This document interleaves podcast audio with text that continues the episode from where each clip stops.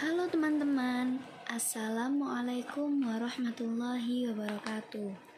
Pada podcast kali ini, kami dari kelompok 7 dengan lima orang anggota dengan nama Siti Nur Hadijah, Rahmatullah, Alvin Mahendra, Nurlaili Faridah, dan saya sendiri Fatihul Kulub Nuridaya.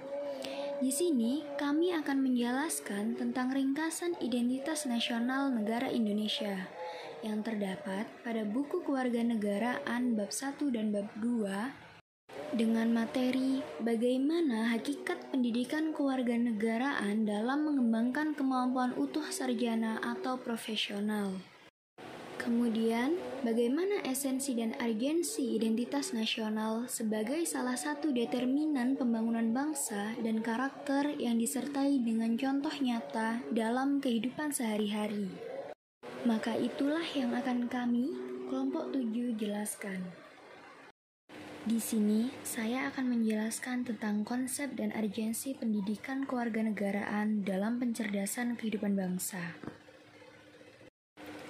Dalam Undang-Undang Republik Indonesia Nomor 12 Tahun 2012 tentang Pendidikan Tinggi, program sarjana merupakan jenjang pendidikan akademik bagi lulusan pendidikan menengah atau sederajat, sehingga mampu mengamalkan ilmu pengetahuan dan teknologi melalui penalaran ilmiah. Kemudian bagaimana konsep PKN secara teoritis menurut para ahli? Jawabnya, Pendidikan kewarganegaraan adalah program pendidikan yang berintikan demokrasi politik yang diperluas dengan sumber-sumber pengetahuan lainnya. Lalu, apa alasan diperlukannya pendidikan kewarganegaraan? Alasannya adalah agar warga negara memiliki rasa kebangsaan dan cinta tanah air. Maka dari itu, pendidikan kewarganegaraan sangat diperlukan.